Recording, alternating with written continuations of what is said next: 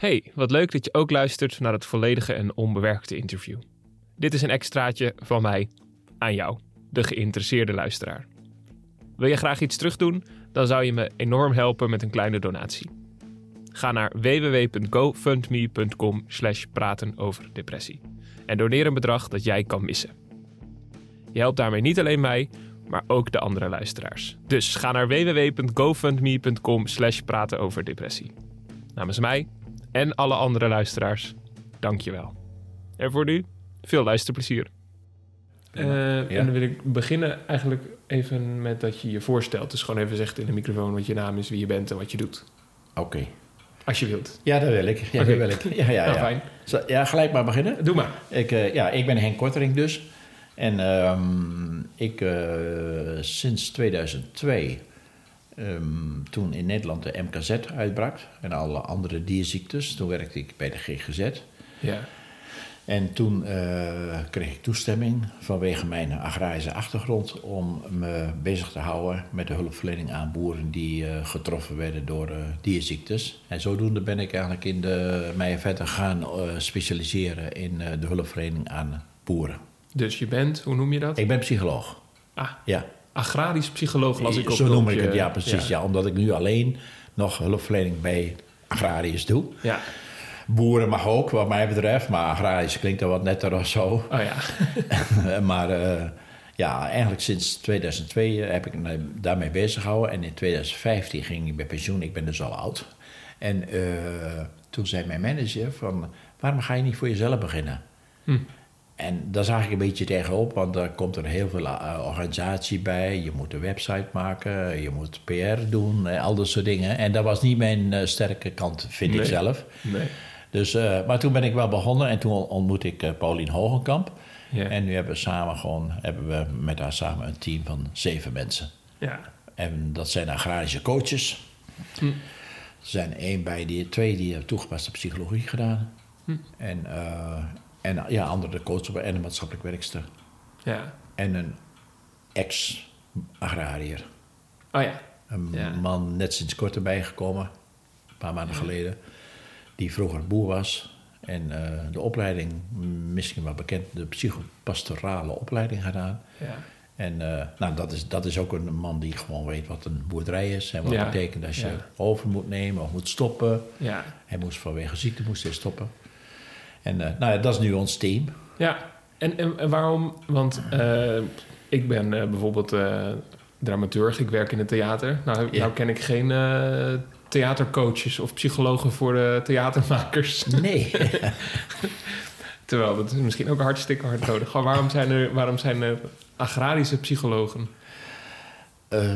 Ja, nou, ik denk toch dat een beetje meespeelt dat in de eerste plaats dat agrariërs eh, de afgelopen jaren, in het begin vooral, kwam ik heel veel tegen dat agrariërs, dat hoorde ik bijna altijd de, de slogan: boeren vragen geen hulp.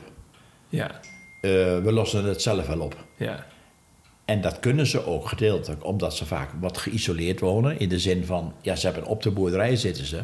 Hmm. Maar ze wonen niet midden in, in het dorp en zo. Dus eh, ze zijn ook gewend, denk ik, om eigen eh, problemen op te lossen. Misschien is het ook wel een beetje nog een, een taboe. Hè, op hulpverlening, een boer die, eh, die klaagt niet zo gauw en die vraagt niet zo gauw om hulp. Maar ik, we merkten wel dat er ook onder boeren toch wel net zo goed heel veel eh, hulpvragen zijn. Soms ook wel nood is en leed is. En eh, vanuit de GGZ merkte ik dat heel veel boeren zich niet zo goed begrepen voelen. Hm. Als ze dan doorverwezen werden bijvoorbeeld naar een, een, een psycholoog van de GGZ of zo. En dan voelen ze zich niet begrepen. Maar omgekeerd, die hulpverleners bij de GGZ zeiden soms ook wel eerlijk van... Ja, we snappen niet waar die boer het over heeft. ja. En dat komen we heel veel tegen. Want, want wat wordt er dan niet goed begrepen? Nou, bijvoorbeeld wat een boerderij is en wat de problemen zijn op de boerderij. En sommige technische dingen, dat hoeft niet allemaal, maar Nee. eh, op dit moment bijvoorbeeld de, de, de Europese en Nederlandse wet en regelgeving, die heeft echt veel invloed op, op, het, op het voortbestaan van boeren. Ja, staat jouw telefoon trouwens aan? Nee. Of ik hoor een eh, ping Ja, steeds. ja, dat klopt. Ik hoor het ook. Maar ik ben het niet. Kan ik maar even, zal ik even... Ja, je- zal ik misschien kan je even kijken wat het is. Zeg, en, en eh, nou, jouw vraag, dat is echt, echt een van de kernvragen, denk ik. Wel, van, van waarom zijn er dan agrarische psychologen? Dat heeft, vind ik toch wel hiermee vooral mee te maken dat, eh, dat de, eh, de wereld van een agrariër eh, toch wel redelijk complex is. Met alle wet en regelgeving. Ja. En ik merk zelf heel snel al vaak dat de boer eh, wel even, bijna even checkt. Of zo van, weet je waar wij over praat? ja. Zo. Dus als, ze, als, je, als jij op het erf komt, Ja, dan gaan ze ja. jou ook even testen. Ja, vind ik wel op een subtiele manier soms. Ja, vraag. Maar dan hoor ik wel over fosfaatrechten en over de prijs van de biggen. Of over de zo, hè. Dan denk ik, dat vraag je ergens om. Van, eh dan wil je even weten of ik wel een klein beetje... Wat voor klein vlees beetje- in de kuip Ja, dat, dat merk ik wel. En dat is toch ook. Nou, en dat merk ik ook wel een beetje van... Soms begin ik zelf wel over, als ik binnenkom, dat ik even vraag naar de boerderij... hoeveel hectare grond ze hebben, hoeveel vee ze hebben... en wat voor vee ze hebben. En eh, nou, of ze voldoende fosfaatrechten hebben en dat soort dingen meer. En, eh, En waar zijn ze dan, waar is een boer dan bang voor als je dat niet weet? Dat, eh, dat je hem niet, niet snapt, niet begrijpt. Nou, eh je had zelfs zo straks even dat voorbeeld van een gesprek met, met een vriendin. Hè? Ja. Dan krijg je een gesprek. Ik moest zo lang geleden een keer iemand overdragen naar de reguliere GGZ. En toen zat ik met die boer en die eh, collega aan tafel. En die stelde een vraag over ehm, wat het hadden we over de koeien en de vazen en de pinken en de kalveren. En toen zegt ze, ja, ik, ik hoor het wel, maar wat is dan het verschil tussen een pink en een vaas? En toen zag ik die boer reageren, ja, wat zag je? klaar. Wat wat zag jij- je aan hem? Wat, wat gebeurde er? Ja, zo van, als je dat niet weet... Hè, hij, hij zei het niet zo hard op. Hoe kun je mij dan helpen? Ja, precies. En dat is dan misschien wat extreem voorbeeld. Ja, Maar eh, ik hoor zo vaak ook bij boeren zeggen... ja, ik kwam bij bijvoorbeeld een psycholoog of een psychiater of een hulpverlener... en die zei, nou, dan verkoop je toch eh, je grond. Eh, nou, en dat is ook zo. Dan heb, heb je ineens gewoon een klap geld. ja. Alleen, dat, dat voelt voor boeren zo verkeerd als je zo'n opmerking maakt. ja. Ja, echt, grond is bijna heilig voor boeren, voor veel boeren. Ja. Dan, dan moet je niet aankomen. Want dat betekent ook grondverkoop. Dat betekent minder vee, kleiner bedrijf. En dat soort opmerkingen, dat, eh, dat valt verkeerd. Ja. Ja, vind, ja klinkt ook niet, vind ik ook niet als een tactische opmerking klinken per se, maar... Nee, maar soms kun je ook... Nee, precies, maar dat heeft wel een beetje te maken, geloof ik. Van, ken je een beetje de wereld van eh, waar de boer in zit? Ja. Maar ik, want ik blijf hier een beetje op doorzagen maar. hoor. Ja, Want, nee, want, want kijk, ik ben zelf bij een, bij een psycholoog of psychiater geweest. En Ja, toen dacht ik ook heel vaak: oh, jij begrijpt echt niks van mijn werk. Van wat ik de hele dag doe. precies. Oh ja. Maar ik ben wel bij hem gebleven en hij heeft me ontzettend goed geholpen. Ja, nee, dat kan ook wel hoor. Dat, Dit, maar ja, het is ook niet, vind ik, het hoeft niet per se een voorwaarde te zijn. Dat Nee. vind ik niet. maar zo wordt het wel veel ervaren als ik je goed Bij begrijp. boeren vind ik wel wel. Ja, ja klopt. Ja. Ja, ja. Maar hebben ze daar dan ongelijk in? Maar stel eens even eh, dat en jouw werk en jouw probleem Ja. met elkaar verweven is. Ja. Dan is het wel fijn dat bijvoorbeeld die hulpverlener wel even iets weet van, denk ik, van je werk. Ja.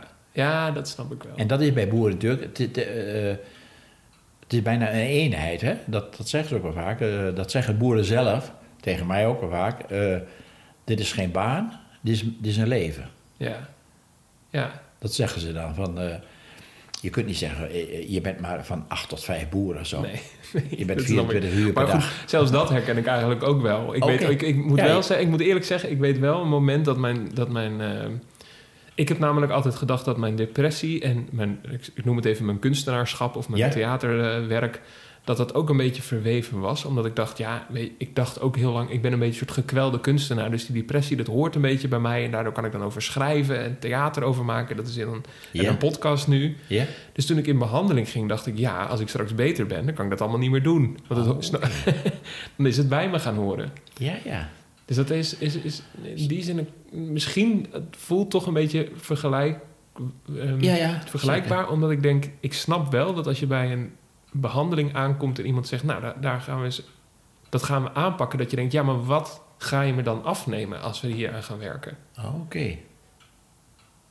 Dat is nog weer een heel ander element wat, wat, wat, wat meespeelt, wat jij nu net zegt. Alleen even terug, als het Ja. te veel wordt en als het niet relevant is, dan eh, Ja, knip je dan, dat. eh, eh, ja, oh, ja, ik heb nog een beetje idee van dit wordt alles letterlijk, maar ik, Nee. kijk, want ehm, wat je zegt over dat kunstenaarschap, dat, heb, dat is mijn beeld ook wel eens een beetje zo. Van, eh, kunstenaars die hebben toch vaak ook wel, eh, ah, hoe moet ik het nou net- netjes zeggen, gewoon pijn gevoeld in hun leven. Ja, ja, Dat is misschien ook wel juist de bron van de creativiteit. ja.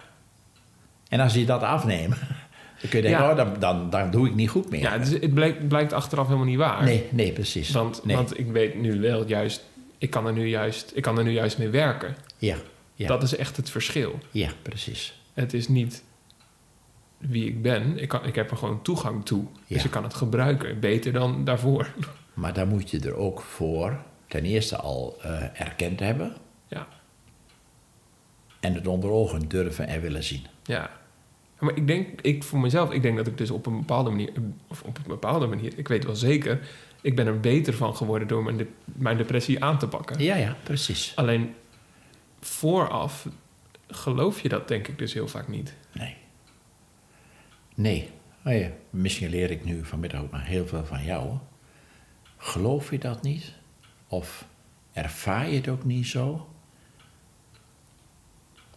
Want dit, dit, kom ik ook tegen. Hè? In het begin, Ja. als je bij iemand komt en Ja. je hebt het bijvoorbeeld over iets van achterliggende emoties, gevoelens en zo.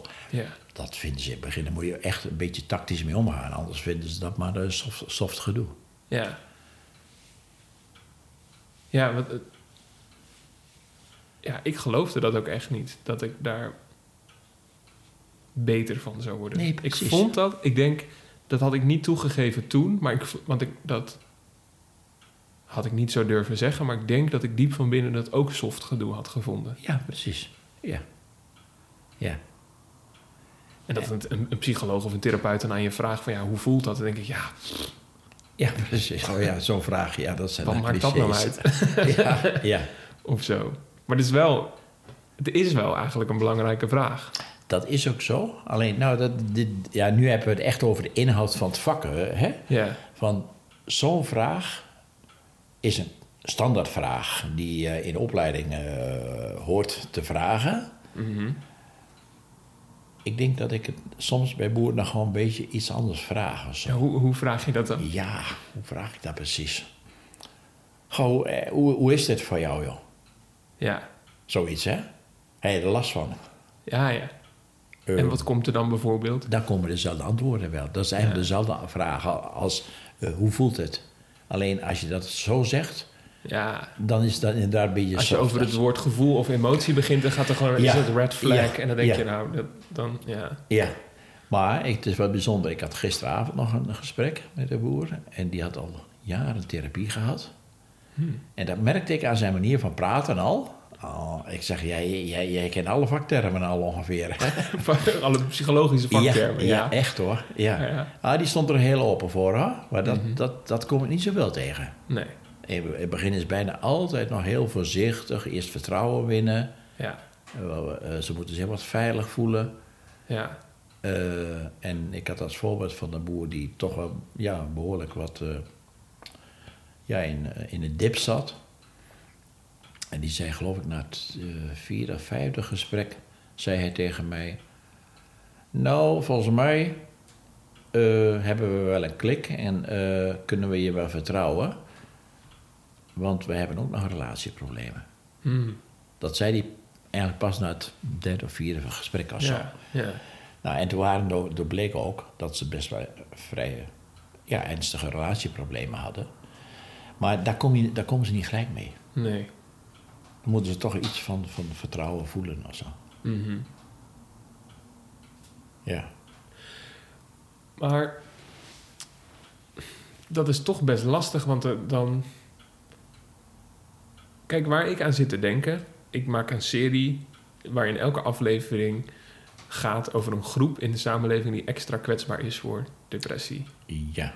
En bij al die gesprekken die ik tot nu toe heb, merk ik steeds: deze groep voelt zich buiten de samenleving geplaatst. Voelt zich op een of andere manier anders, mag niet meedoen of mag ergens niet over praten. En bij heel veel groepen Oké. Snap ik dat.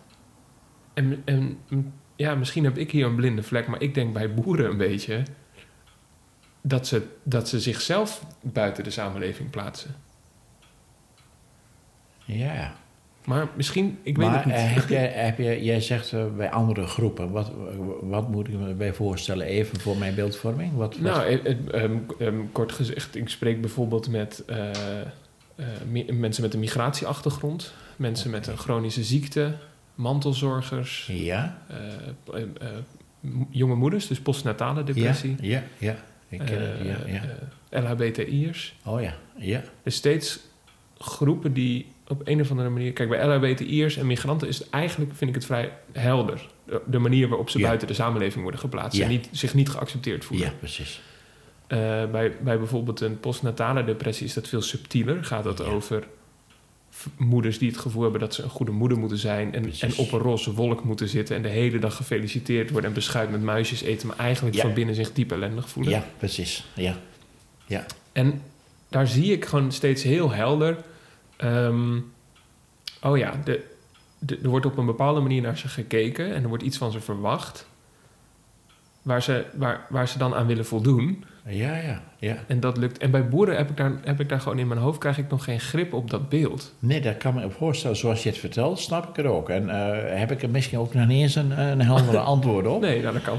Want eh, eh, ik heb mijn eerste baan toen ik in Apeldoorn woonde. Dat Ja. was in het ziekenhuis. Ja, ik heb het heel En veel. eh, toen was ik maatschappelijk werk in het ziekenhuis. En kwam ook op die afdeling van uh, gynaecologie, kraamafdeling. Met varkensouders. Maar, eh, daarmee heb ik niet zo'n in beeld, ik niet, Want die hebben van dat dat een nou zo'n bijzondere groep is. Eh, Voor mij is dat, molkwekerijen. ja, Gewoon mensen die dat Dat is, dat is toch een heel andere wereld. Ja. En, maar jij zegt, ja, dat is een En, bepaalde groep. zo. ehm, Kijk, van buiten. Ja, akker, akkerbouwer of een varkenshouder of een Ja. melkveehouder, dat zijn echt, echt verschillende groepen. Ja. ja, dat merk ik ook elke aflevering hoor. Bij elke Oh. groep. Ja, Elke groep heeft ontzettend veel variaties. ja precies. Waar ik vooraf helemaal niet bewust van was. Want ik dacht bijvoorbeeld, postnatale depressie, dat is heel helder. Dan ga ik moeders spreken. Ja, Maar dat blijkt ook een probleem onder vaders te zijn. ja, Die dat ontwikkelen. ja. En soms zelfs al eh, in de vorige generatie van hoe ze als kind bijvoorbeeld in het gezin eh, Ja, gefunctioneerd hebben. ja, Maar goed, dat is dan meer ook in therapie in het ziekenhuis kwam je dat wel tegen. Van in hoe, eh, dat er, en daar komen we straks vast wel op, dat er ten diepste toch ook vaak wel achterliggende problemen zijn die meespelen dat iemand in de postnatale depressie eh, ja, ja, terechtkomt. ja, ja. Zo van, eh, het moet, wat jij zegt, de roze wolk, het moet mooi zijn. Eh, als dat heel sterk leeft, ja.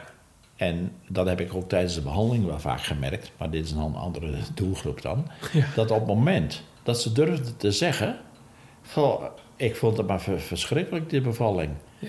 En eh, die eerste dagen eh, met zo'n huilend kind en zo. Afzien. Ja, precies. Als ze dat maar durven zeggen, Ja. dan zijn ze voor de helft beter. Ja, Alleen dat hoort niet zo. Je Nee. hoort blij te zijn. ja, Ja.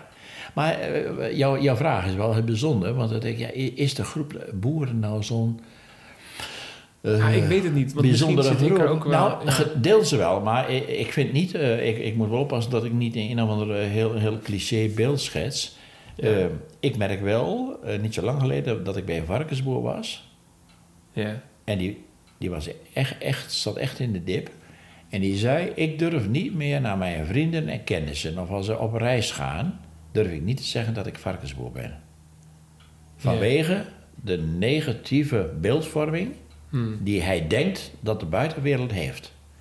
ja. Want de- wat, wat is dat beeld dan? Dat de buitenwereld zou hebben? Eh, dat, dat die boeren. En gisteravond was het toevallig op televisie nog. Ik vond een heel bijzondere uitzending over, over een, een, vrouwelijke geitenhoudster. Ja, Dat was echt, nou, heel, helemaal vol, vol- eh, die voldeed helemaal aan de eisen van, van de goede dierverzorging enzovoort. En toch die interviewer, die stelde kritische vragen van ja, maar vind je dit nou leuk zo? Oh, die geiten werden onthoornd, juist om elkaar geen schade toe te doen enzovoort. Dus Toen zei ik, ja, maar het is toch veel mooi dat die geiten gewoon buiten in, in, in het weiland lopen. Hmm. Ja, maar dat staat zo ver van de werkelijkheid af als je 750 of 1000 geiten hebt. Ja, die kun je niet zomaar even eh, het weiland injagen. Dat kan wel, maar ze hebben gewoon prima verzorging enzovoort. En, nou, en toen dacht ik weer aan die beeldvorming even. Ja. Oh ja, ja. Ik vond het ook, ook, een beetje irritant hoe, hoe, Ja. hoe, hoe die man probeerde dat negatieve... van wat naar mijn idee ook de rest van Nederland van boeren vindt... Ja. om dat even weer te benoemen. Ja. Ja, ja, ik snap het. Ik dacht zo straks al we de klok even stilzetten. Ja, nou, maar maar snap even. je, ben je ergens... Ja, en er is, is dat ook niet zo dat in het verleden daar ook wel een beetje zo naar die boeren gekeken wordt? Je kunt zeggen, Nee. ze plaatsen zichzelf buiten de samenleving. Maar ik weet niet of ze dat al, altijd willen. Dat geloof ik niet. Nee.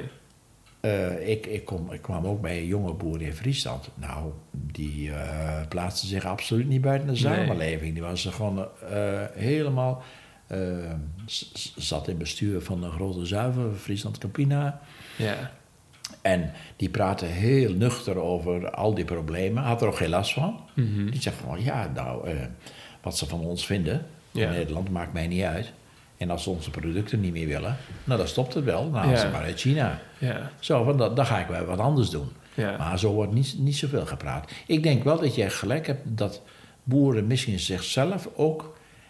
Ik bedoel in zo'n slachtofferrol een beetje soms plaatsen. Wat je zegt over die varkenshouden. Maar ja, en, maar ik wil ook daar helemaal niet, ik wil helemaal niet zeggen van ja, boeren, dat doen ze zelf. Want ik denk dat dat een dynamiek is. Ja, precies. Bij alle groepen zal dat zo, Ja. zo zijn. Ja, Alleen ik heb wel bij deze groep misschien wel het meest het gevoel dat, dat er een ontzettend grote kloof is ontstaan. Of het misschien wel een soort impasse is.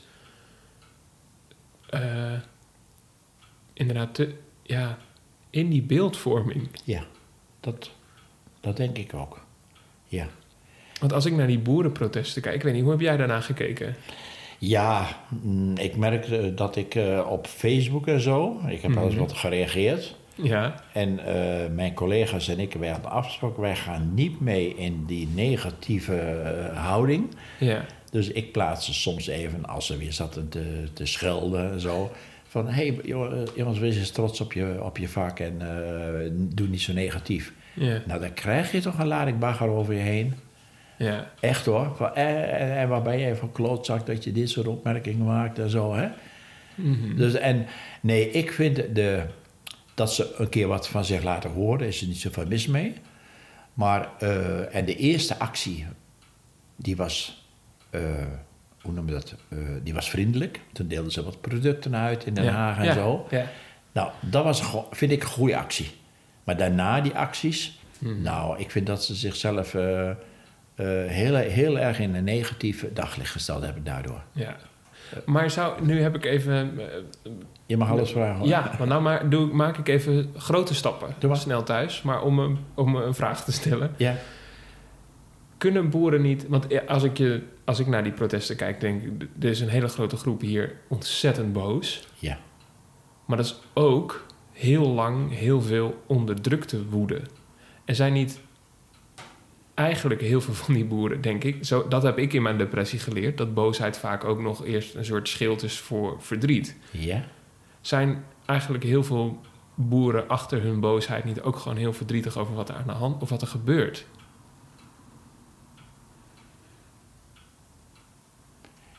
Ik vraag me af of bij...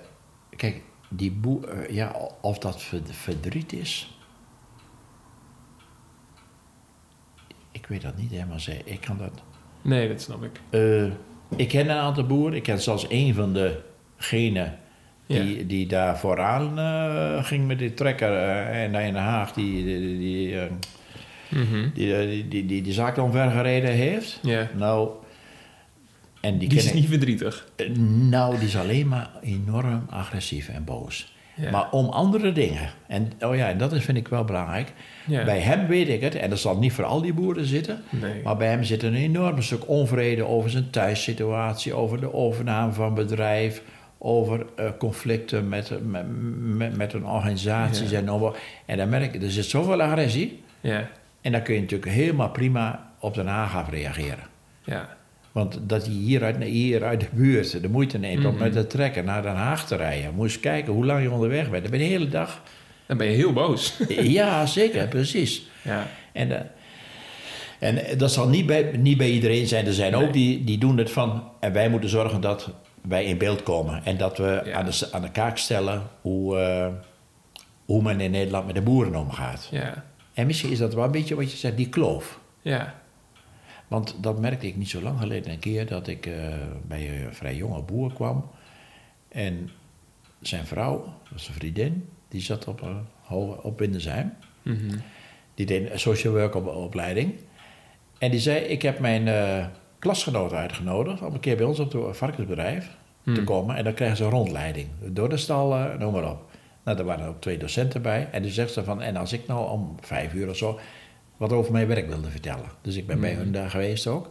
Wat verteld. En toen viel het mij op dat... Ten eerste, veel van de studenten zeiden... hoe kan het dat wij hier nog nooit iets over gehoord hebben... dat dit bestaat überhaupt, dat er eh, hulpverlening voor boeren is... maar ook, die wereld eh, was zo bijzonder... want ze kregen echt een rondleiding eh, door de stad. Maar ten eerste al, dat, hè, daar kom je door zo'n... dat noemen ze zo'n sluis, een hygiënesluis. Ja. Moet je omkleden, en noem maar op. En toen kregen ze een rondleiding. Nou, ze hebben echt verbaasd gestaan wat ze daar tegenkwamen. Ze hadden geen idee wat zo'n Nee. megastallen hoor. Van Ja, duizenden ja. varkens. Dat zijn ook megastallen. Ja. Maar eh, wat ze daar tegenkwamen. En toen zeiden ze, goh, wat is inderdaad, wat er is een grote kloof tussen eh, wat wij eh, vinden en zien. Mhm. Ze zien wat koeien buiten lopen. Ja. Dat, dat is het dan. Of niet? Kijk, zomaar buitenstaande Ja. niet. Maar de boer heeft dan ook gewoon een imagoprobleem. Ja. Want ik, ik bedoel, als je... Ik dacht dat boeren... Zeg maar dat, dat depressie daar een probleem is, heeft met communicatie te maken. Maar ook dus niet alleen onderlinge communicatie, maar misschien zelfs ook wel communicatie naar... In de brede zin, naar de Ja. samenleving. Zeker. Dat is eigenlijk op dit moment volgens mij een, een, een topic die Ja. wel bekend is, maar waar nog heel moeilijk iets aan gedaan wordt. Ja, dat Ja. klopt wat jij zegt. Ze hebben een imagoprobleem, want als je ziet, nou en ik ken, ja goed, mijn werk ook, maar ook met mijn familie, mijn, mijn zus en zwager, die hebben een boerderij, met hoeveel zorg en liefde en enthousiasme ze hun werk doen, dat, dat, dat, daar genieten ze gewoon van. Ja. Eh, en ook hoe ze hun dieren verzorgen. Hoe ze met het land omgaan. Kijk, er wordt dan gezegd door de alle fosfaatproblematiek en stikstofproblematiek die op dit moment is. Ja, die boeren en de natuurkant. Ja. Ja, die boeren die hebben helemaal geen oog voor. eh, Voor de dieren of voor de natuur. Precies. Terwijl, als je de boeren zelf hoort die zeggen... denk je werkelijk dat wij onze grond niet goed willen verzorgen? Ja. Alleen de minister zegt, je mag maar pas mest uitrijden bijvoorbeeld vanaf 3 eh, februari. Mhm. Alleen als dat niet een goed moment is, dan zegt die boer, dan moet ik even een week wachten. Of een week eerder. Ja. Maar dat mag niet, want ik krijg boetes. Ja. Kijk, en dat snappen die boeren dan niet. Ja, van waarom moet dat nou? Dat is niet logisch. Nee. Ik weet dat vorig jaar speelde met, toen het zo nat was. Ja. Toen mocht je tot die en die datum mocht je mest uitrijden. Maar dat kon niet. Omdat Ja. het vreselijk nat was. Ja. Nou, dan zegt die boer, nou stel je eruit. En dan moet je Ja. 14 dagen later doen. Ja. Maar ja, mag niet. Want dat, dat is de datum. Dus dat betekent dat ze geen mest uit mogen rijden. Ja. En dan moeten ze tot februari wachten. Dat is Ja, niet goed voor de snap ik wel, dat je het gevoel krijgt dat je niet begrepen wordt. Ja, door de mensen die Ja. regels maken. Nou, dat. dat. En dat is, vind ik wel een heel veel voorkomend eh, iets wat, wat ik hoor. Ja, Ja. want eh, dat, dat beeld dat geschetst wordt, dat, dat boeren dan eigenlijk niet, eh, bijvoorbeeld niet van om hun dieren geven. Ja, ja. Zie jij dat dat niet klopt? Ja, absoluut. Want wat, dat- wat zie je dan? Eh, dat ze gewoon heel zorgvuldig en zorgzaam eh, met de dieren omgaan. Hoe ziet dat er dan uit? Daar ben ik benieuwd naar. Waar zie je, wat zie je dan? Dat ze, eh, als er iets gebeurt, dieren als eerste voorrang hebben. Als een beest ziek is, ook al moeten ze naar feestjes toe, wordt eerst die koe of die geit wordt eerst verzorgd. Ja, En dan, ook al zouden ze niet naar een feestje kunnen, de, het beest gaat voor. ja, Als het gaat om de huisvesting, hè, eh, voer, voer, drinken, schoon, noem maar op. Ik zou zeggen, laten we het even hebben over 90 tot 95 procent van de boeren die zorgen gewoon heel erg goed voor het vee. ja, Er zit een andere kant aan, maar de, Ja. Ja, Dat is van de vertrouwenselijkheid als het gaat om dierverwaarlozing. ja, Want daar werk ik dan ook voor. ja, En dat, daar kom je soms schrijnende dingen tegen. ja. Maar dat is niet de doorsnee van de boer. Dat is, niet, dat is, dat is nog niet 1%, denk ik. Nee. Dus wat jij net vraagt, Ja. van... Ja, ik vind dat eh, als ik dat hoor, hoe ehm, verdrietig een boer laatst nog was. Ja. Omdat een kalfje dood gegaan is. Ja? Ja, ja. En, wij, ik En, was, wat, en, en waar zie je dan dat verdriet? Dat zegt hij gewoon, of, Oh. of heeft Oh, tranen dat in zegt, ogen. doe dat. eh, Ja, ja, ja, ja, ja. Sommigen zijn een week, eh, wat, eh, die boer, die heeft een, echt, had een heel mooi bedrijf. Maar hij zei, ik kan er niet tegen als ik tegenslagen heb. Dan zegt dat weer misschien iets van het incasseringsvermogen. ja. Maar die werd echt down. Want er was een keer koe dood gegaan en twee keer een kalfje dood gegaan. Daar kon hij echt niks aan doen. Nee. Maar eh, hij zegt, ja, dan ben, ben ik wel drie dagen van slag. Zo zegt hij Maar daar wordt dan toch over gepraat. Jazeker, ja, ja, ja, hoe dat ik Maar kom hoe in ieder geval wel. Ja, nee, maar dat is dan Ja. wel, dan zit ik, daar kom ik al bij hem, hè. Ja, oké, goed. Maar de- nee, zeker, ja, nee, dat... eh, Maar is dat, is dat is verdriet om de dieren onderling bij boeren ook een taboe? Of mag, mag, kan het daar wel over gaan? Nee, Ook niet. daar praten ze niet zo over. Ze zullen dat niet zomaar zeggen. Maar ze zullen wel even zeggen, god, is mee vanmorgen weer een koe dood geworden. Ja, nou, dan weet je, dan weet je dus... Alleen, kijk, daar gaan boeren niet door... Weet je wat je zo straks... Die gaan er niet op doorvragen. Van, hoe is dat dan voor jou en zo, hè? Ik bedoel, hè? Nee. Daar gaan ze niet op doorvragen. Maar, Maar, maar waarom eigenlijk niet? Gewoon, het heeft Ja. geen zin. ik zou het niet weten, waarom niet? Dus, ja, maar Misschien ook dat ze een beetje van elkaar snappen. ja, dan weet je eigenlijk al genoeg. Ja. Ja, want ik, eh, ik was pas een keer nog eh, bij mijn neef van mij en dan zag ik dat ze bezig waren met een koe. Die kon niet staan. Dat gebeurt soms na, na de afkalven, dat een koe eh, melkziekte heeft, dan kunnen ze niet staan. Maar als ik dan zie hoeveel moeite ze doen om zo'n beest weer in de benen te krijgen. Ja, je kunt ook denken, nou ja, laat maar en zo, hè? Nee, Ja. ze waren met z'n tweeën, met z'n drieën erbij. Probeer ze weer een poosje op te tillen, een infuus aan te leggen, eh, voer te geven. En dan leggen ze hem even buiten in het gras neer, dat hij wat makkelijker eh, kan staan, frisse lucht heeft. Ja, en dan, eh, ze doen alle moeite om zo'n beest te redden. Hmm. Ja. Ja, dat vind ik wel. Ja. Maar goed, dan blijkt het dus ook meer uit de daden dan uit de, uit de woorden. Ja, ja maar eigenlijk is, vinden ze vanzelfsprekend. Ja. Als je dat niet doet. Ja. Ja. ik denk dat diepste, als je het niet zou doen, dat ze, dan zouden ze dat die ander kwalijk nemen. ja. Dan ben je geen goede boer. Nee, precies. Ja. Absoluut, ja, zeker. En, en dat weten die boeren onderling van elkaar ook precies. Ja. Want ik, ik heb wel een situatie, dan hoor ik die eh, wel eens zeggen, de buurman, ja, ja, er lag ook een koe door in het land. Ja, maar eh, hij was vanmorgen eh, pa- pas om, om half tien aan het melken. Dus Zo, hè, dus ze houden elkaar echt wel in En dat weten ze ook van elkaar. Maar... De, ja. Dat klinkt ook niet echt als een prettige cultuur. Dat je Nee, in de gaten wordt gehouden bij elkaar. Dit is Ja. een soort onuitgesproken cultuur van nou, ik, ik, hè, daar, Ja, daar gaat het niet helemaal goed, dat zie ik. Maar als, je, als, als iemand dan ergens verdrietig of is, of de balen van heeft, of, of niet weet hoe het werkt, dan, dan kan, je het, kan je het er niet over hebben. Ja, misschien is dat wel een klein... klein zeg, dat, even, dat is niet genera- generaal, maar dat is wel een nee. klein beetje. Eh, Boeren zitten geloof ik wel, wel, ja, wel vaak op elkaar te letten. Andere kant zit er aan. In studiegroepen, er zijn de meeste jonge boeren... Mhm. die eh, zitten in studiegroepen. En eh, met, met, met een stuk of tien, tien jo- boeren uit de omgeving. En daar zijn ze denk ik wel heel erg open. Want ik hoorde laatst ook al iemand die zegt... nou, ik kon daar, die boer die zat niet zo lekker wel...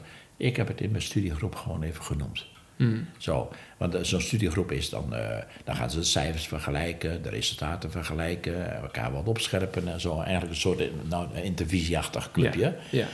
En eh, dat is ook heel belangrijk, dat boeren daaraan, jongen, dat ze daaraan deelnemen.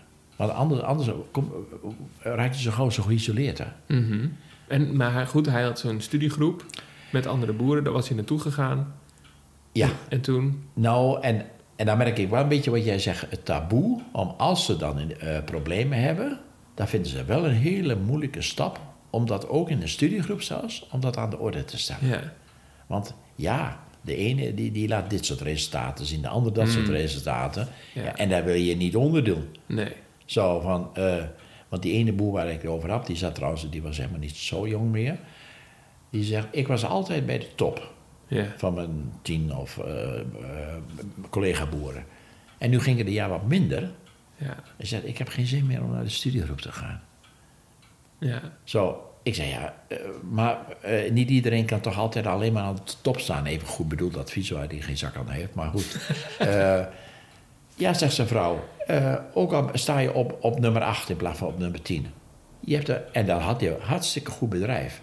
Maar ja, Ja. het kan een keer met voer wat tegenzitten, iets minder melkopbrengsten, Ja. dat, dat soort Ja. dingen. Maar dat, daar kon hij heel moeilijk mee omgaan. En hij zegt, ja, dat- en toen zei de vrouw, ja, jij wilt ook niet meer naar de studiegroep toe. Ja. Want dan schaamt hij zich daarvoor of zo. Dus misschien is er toch wel iets onderling eh, Ja.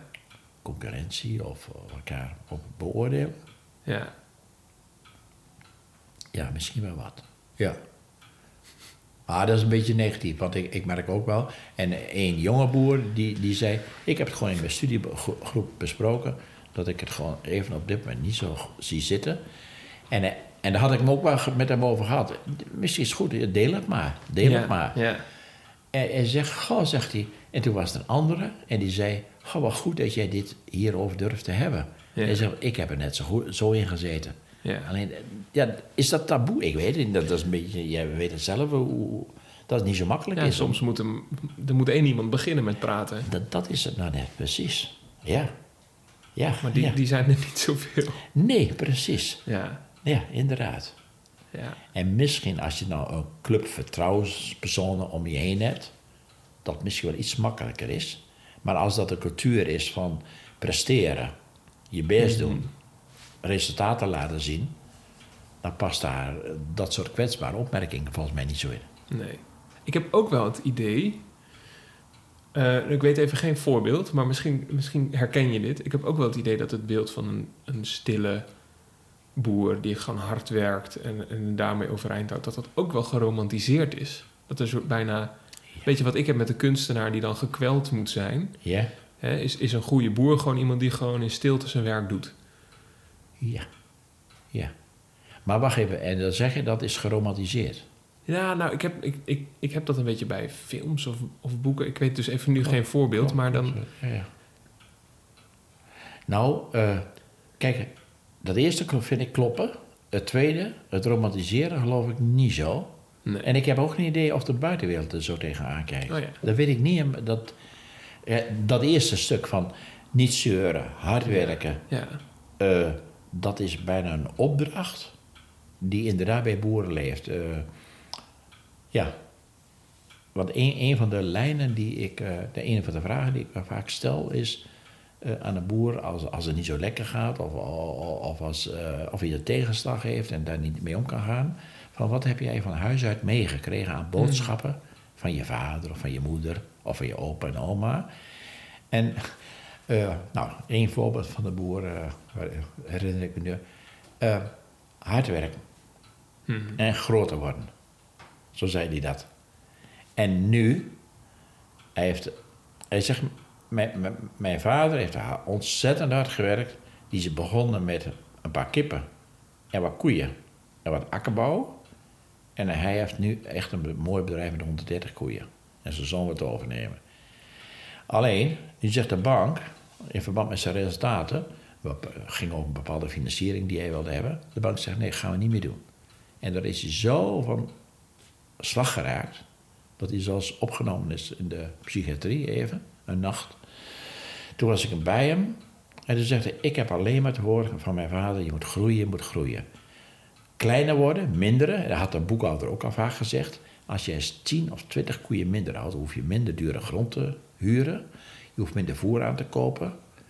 Je hoeft geen fosfaatrechten te leasen. En dan ga je echt weer verdienen. En hij zegt, dat past zo niet bij mij. Van, de boekhouder komt feitelijk aantonen dat hij dan weer geld ging verdienen. Hij zegt maar, en, en toen had hij op een gegeven moment, ik was bij hem. Ik zeg, nou, heb je al stappen gemaakt? Ja, zei hij, één koe is weggegaan. Hij moest ongeveer 10 tot 20 minderen. Ja. Eén koe is er. Dit vind ik een afgang. Zo zei je dat. Ik voel het als een afgang. Ja. Met, met andere woorden, als je constant opgevoed bent met groter worden, groeien, dan past niet in dat je kleiner moet worden. Nee. Terwijl eh, de boekhouder al zei, ook bij ondernemerschap hoort dat je moet kijken wat is efficiënt. Ja. Het ging om de liquiditeit van het bedrijf. Wat is efficiënt? Waar verdien je nog aan? Als je niet waar verdient, dan moet je andere stappen nemen. Ja. Maar dat, dat... Bestaat gewoon niet in. Nee, in- nou ongeveer niet. Nee, nee, nee. Maar er zijn natuurlijk veel, er zijn veel familiebedrijven, hè, boeren. Altijd bijna. Ja. Er zijn altijd. Nou, in ieder geval vader op zoon. Ja. Of van, ja, ja. En leeft er dan een, eh, een grote druk va- vanuit de geschiedenis, zeg maar? ja. Een, een van de kernproblemen wat jij nu zegt. Vanuit de geschiedenis, vanuit de ouders, soms vanuit de grootouders. Van, eh, ja, mijn opa is hier begonnen. Mijn vader heeft dit opgebouwd. En dan zal, ik, eh, zal het bij mij eh, niet goed gaan. Dat klopt inderdaad. Komt ook bij dat soms men ook wel, als een zoon bijvoorbeeld een bedrijf overneemt, ehm, dan kan dat niet altijd tegen de reële marktwaarde. Dat is veel te, veel te veel geld. Dus daar is een, eh, ook, ook fiscaal gezien een, een, formule voor. Dan mag je het tegen de agrarische waarde overnemen. Dat is wat minder duur dan de verkoopwaarde. Maar als je dan andere broers en zussen hebt, die kan zeggen, ja, maar jij hebt het zo goedkoop overgenomen. En, eh, en dat klopt dan ook wel, alleen eh, anders is het bijna niet mogelijk. Dat noemen, we, noem ik, dat noemen we de gunfactor. De broers en zussen moeten de andere broer iets gunnen. Ja. ja. Doen ze dat niet, dan kunnen ze zeggen, nou, van ons hoef je geen boer te worden. Laat pa maar de boerderij maar verkopen, dan hebben we allemaal onze centen. Even wat, wat kort door de bocht. Komt ook wel voor. Dat komt ook voor. En er hoeft maar één of twee tussen te zitten die dat willen. Nou, en, en, en dat is denk ik de helft ongeveer van mijn werk, dit soort problemen.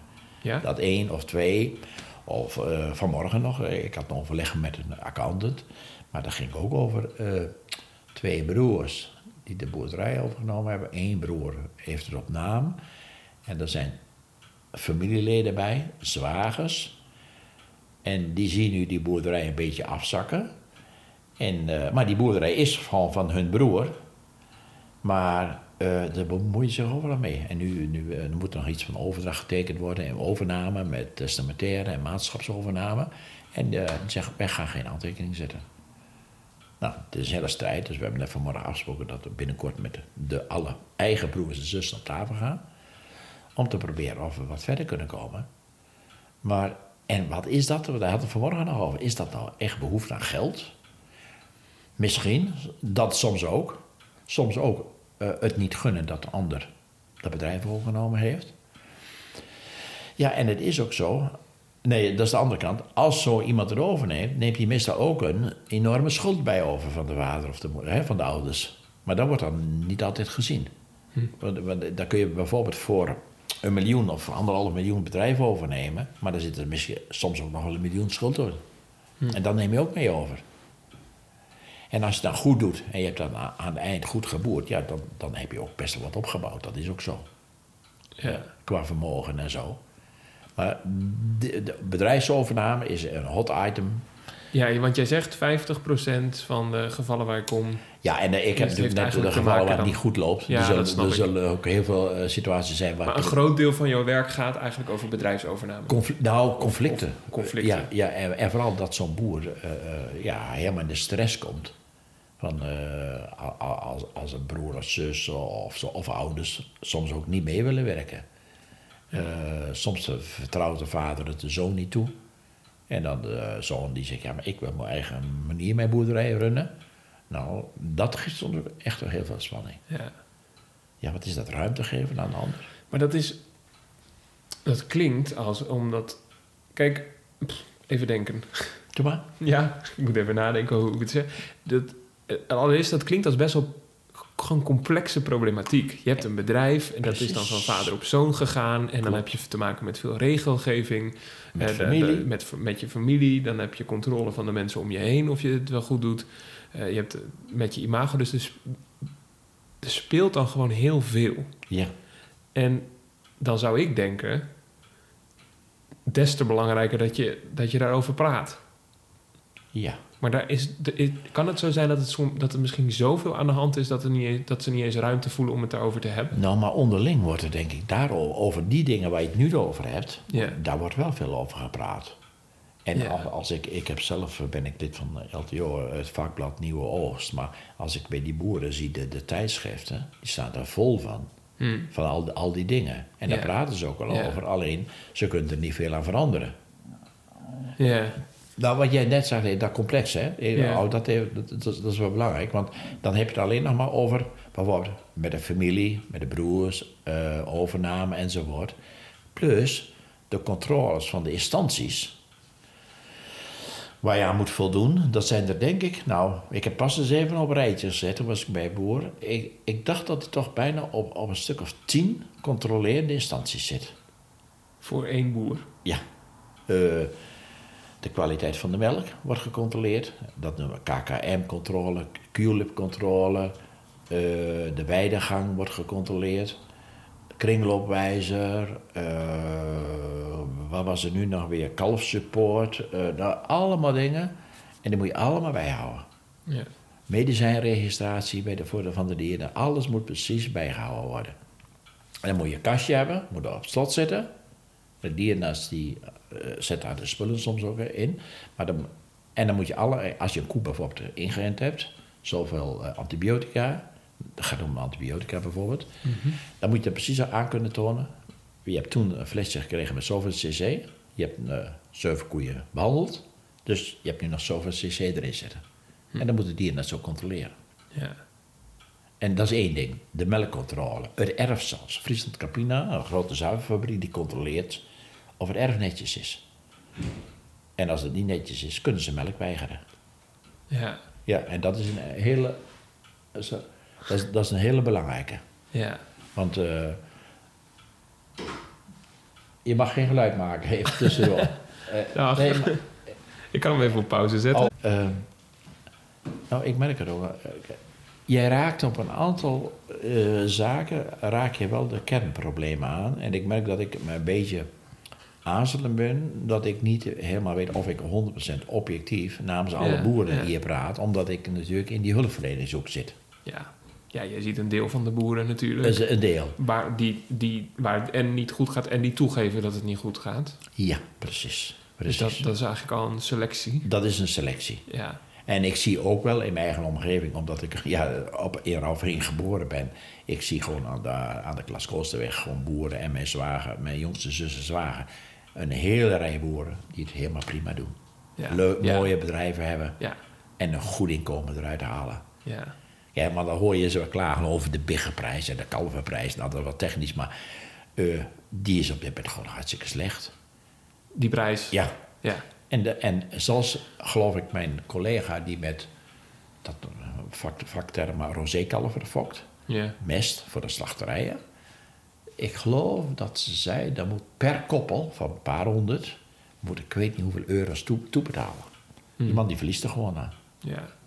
Want eh, ja, door de corona, door de export, eh stil ligt, de slachterijen hebben even door corona dichtgezeten. Eh, nou, dat, ze kunnen, dat, ze kunnen die, die, die beesten niet meer kwijt, kunnen ze niet zo snel slachten. En eh, dat stagneert en dan za- zakken de prijzen. Ja. En dan ben je afhankelijk van Duitsland, nou nu ook van China, Rusland. Eh, daar ben je heel afhankelijk van. Ja. Als Rusland de grenzen sluit voor, de export, dan, dan, dan gaat de prijs direct naar beneden. Is, ja. Is de boer... Ik vraag dit op de opname, ik zet hem weer aan. Toch? Ja, ja, ja. Als, je, als, ik je, als ik je zo hoor praten, denk ik... Dat zouden ze zelf waarschijnlijk nooit zeggen, maar... Is de boer kwetsbaar? Eigenlijk. Want als, als ik je dit hoor beschrijven... Er, is, er zijn zoveel factoren eigenlijk die meespelen. Absoluut. Ik noem dat kwetsbaar. Ja, zeker. Ja, dat is er ook wel. Ja, Maar- nou, ja, of, ja, ja, nou, de kwetsbare de term, nee, dat vind ik wel grappig. Eh, daar heb ik nooit zo bij stilgestaan. Maar in die zin is dat wel zo. Want nu zie je bijvoorbeeld de hele discussie in Brabant eh, over de intensieve veehouderij. De publieke opinie is duidelijk in Nederland tegen die intensieve veehouderij. Oh, wat zie je in Brabant?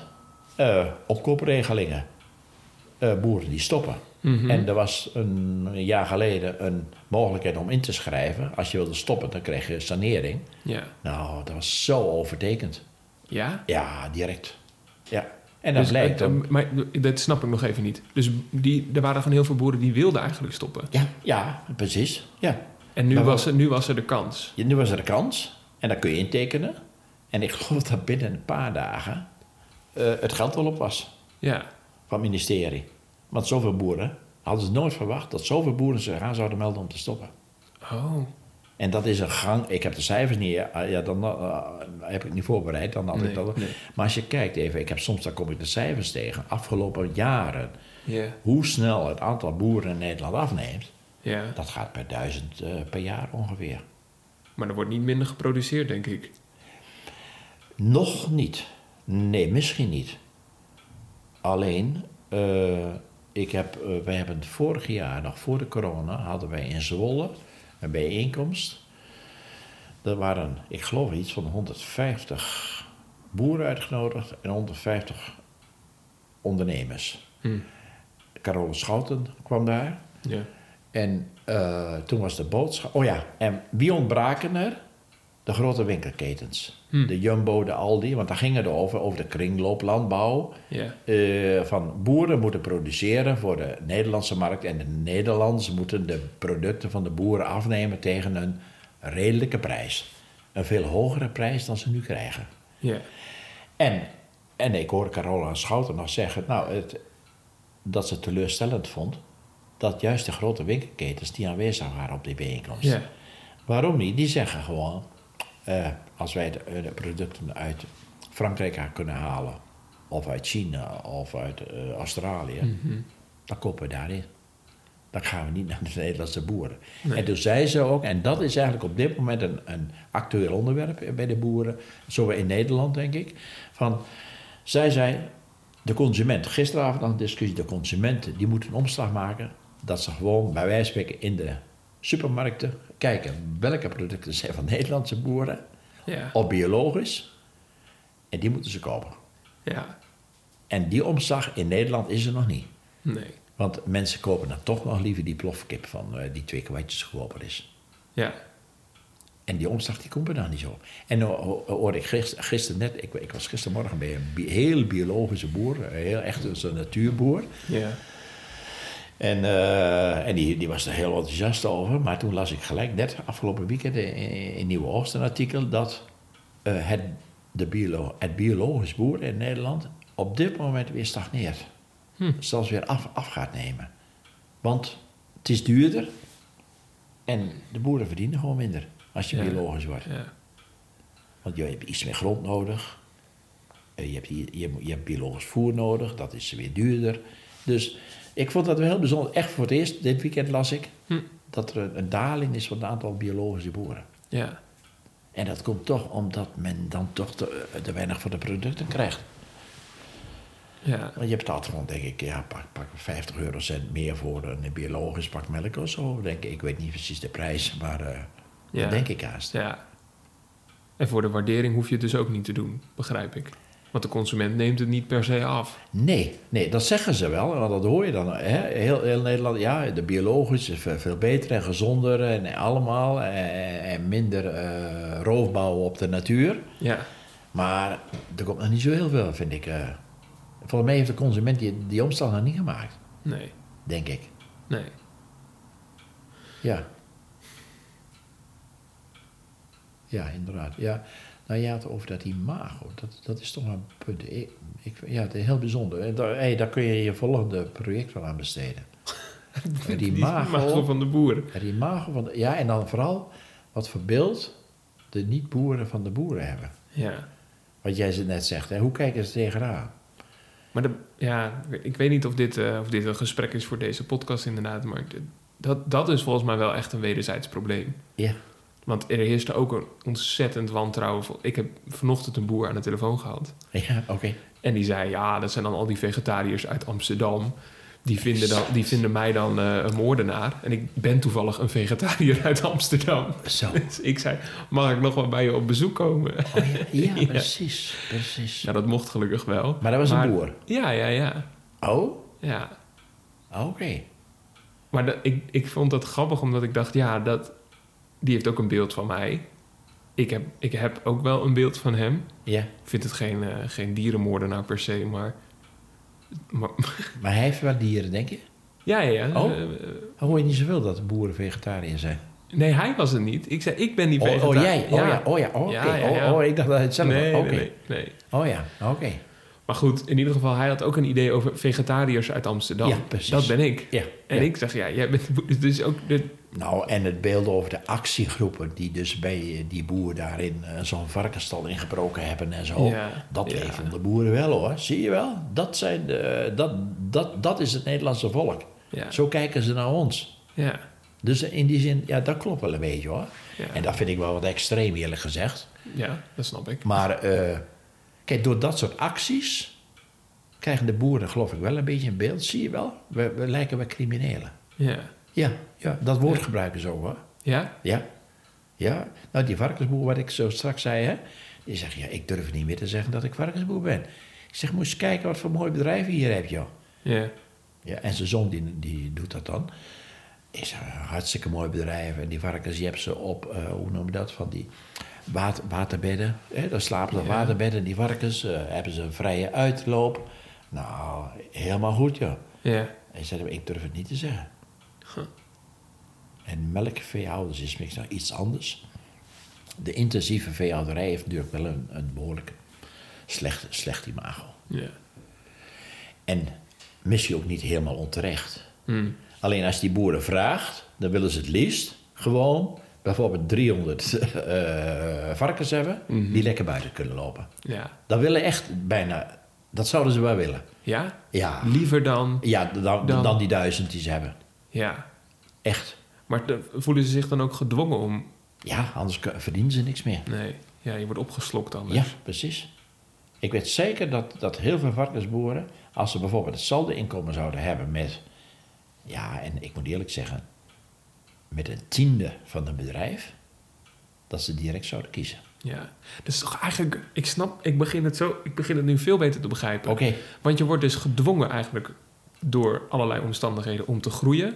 En vervolgens word je afgerekend op je imago omdat je zo, omdat je zo Je snapt het massa helemaal, precies. slacht. Ja, Dus, exact. dus eigenlijk, eigenlijk denk ik nu dan een beetje, kan je het ook niet goed doen dan als boer? Nee, nee. Want, nou, want dan verdien je niks meer. Nee. Dit is precies een, eh, eh, een heel rode draad.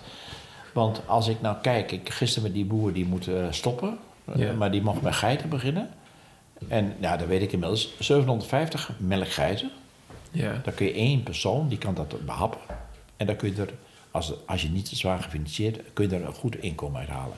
Vooral biologische geitenmelk is heel gewild. Hm.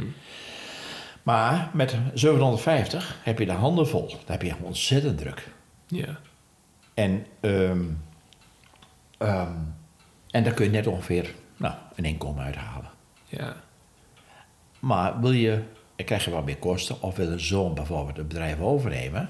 Nou, en daar heb ik het best wel vaak over bij, bij boeren. Oké, dan moet je ervan uitgaan dat er dus voor twee gezinnen een inkomen uitkomt. Ja. Nou, wat betekent dat? Van die 750, of uitbreiden, Ja. of nog een poosje buiten het huis werken, dat kan ook wel hoor. Mhm. Maar dan moet er ook, ook een inkomen uitkomen. Ja. Dus of je moet uitbreiden, of je moet iets anders gaan doen. Ja. En nou ja, dat uitbreiden, dat kan dan ook wel. Maar daardoor krijg je weer die grote, grote bedrijven. Hè? Ja. Oké, dus ik heb nu, ik heb, ik ga het even proberen bij elkaar te brengen. Ik Kom heb nu een beetje een beeld geschetst in mijn hoofd. Nee, we hebben het over, over dus de, de, de problematiek gehad, de regelgeving, vaak familiebedrijven waarin een zwijgcultuur heerst. Dus dat is. Ik, ik, hè, ik voel nu de, de padstelling waar veel boeren in zitten. Van je hebt veel problemen waar je eigenlijk niet over mag praten. Je staat onder hoge druk, maar dat wil je niet laten, laten merken aan anderen. Ja. Ja. zeg ik dat goed? Ja. En, en, Ja. hè, en je hebt dat imagoprobleem. En, jij wil, en je houdt ontzettend van je dieren, maar er staan mensen die je varkenstal binnen willen vallen omdat, je, omdat ze je een moordenaar vinden. Dus ik denk dan nu een beetje, als ik dit, hè, zoals ik dit beeld Ja, nu schets, ja, ja, dat wie wel- is er dan nu precies aan zet? Of wel, hoe, hoe, welk, hoe zetten we een stok in die machine? Goeie vragen. Je hebt wel goede vragen stellen, maar... maar ik weet het... eh, ja, hoe zit je daar nou aan stoppen?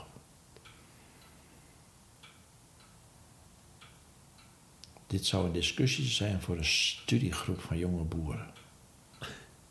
Hoe zet je daar nou een stop op?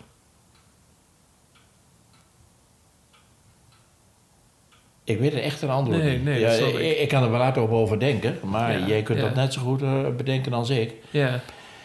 Kijk, eh, ik denk dat de schaalvergroting doorgaat. Ja. De druk vanuit de overheid die gaat toenemen. En op dit moment, en dat is wel een heel recente ontwikkeling, dat in plaats van fosfaatrechten, als je vee had, als je melkvee hebt, moet je fosfaatrechten hebben. Eh, maar boeren hebben ook stikstofrechten. Nou, dat is op dit moment een discussie. Een boer Mhm. heeft stikstofrechten, maar stel dat een boer nou stopt, Ja. dan kan hij de stikstofrechten verkopen aan bijvoorbeeld een bouwmaatschappij. Ja. Daarmee onttrek je die stikstof uit de agrarische sector. Dat betekent weer een inkrimping. Hmm. De boeren onderling zeggen dat zou niet mogen. Hmm. Alleen de boeren die het betreft, en die beuren er goed geld voor. Ja. Ben je wel gek als je het niet doet. Nou, ja, maar dat is weer de vraag. Dat is precies de- als de ontwikkeling. Goed, het is wel, wel misschien een z- eh, zijdelings onderwerp, maar ik heb nu twee, drie boeren waar ik kom. Eén heeft zijn, al zijn grond voor zonnepanelen verkocht Hmm. aan de, aan, aan de energiemaatschappij. Ja. Als ik dat vertel aan andere boeren, zeg ik, oh, wat stom, hoe kan hij dat nou doen? Ja. Maar, sommige, ja, maar, zegt ze, als het mezelf zou overkomen en ik krijg 4 miljoen, Ja. dan weet ik niet of ik het ook niet zou doen. Ja. Want voor die 4 miljoen kan je weer een hartstikke mooi bedrijf kopen. Ja. Ja. Ja, doe je dat wel of niet? En, hoeveel, en wat heb je dan over voor het landschap, hè? Mhm. Want ik vind dat ook, hoor. eh wel een beetje jammer dat ik moet 40 hectare goede landbouwgrond, Ja. zonde. gewoon trokken. Ja. Maar nu was ik eh, afgelopen week, vorige week, bij een, een boer en die moet stoppen. Ah, zegt hij, ah, ik red me nog wel, zegt hij, want eh, ik kan 20 hectare grond nu Hmm. voor zonnepanelen gebruiken. Oh ja. Hij zegt, dan heb ik in ieder geval een basisinkomen. En ik denk dat hij het gaat doen. Ja. Maar dat is de buurman, hè. De, de buren, die gaan daar moeilijk over doen. Ja, wij willen geen zonnepanelen eh, tegen de zonnepanelenpark aankijken.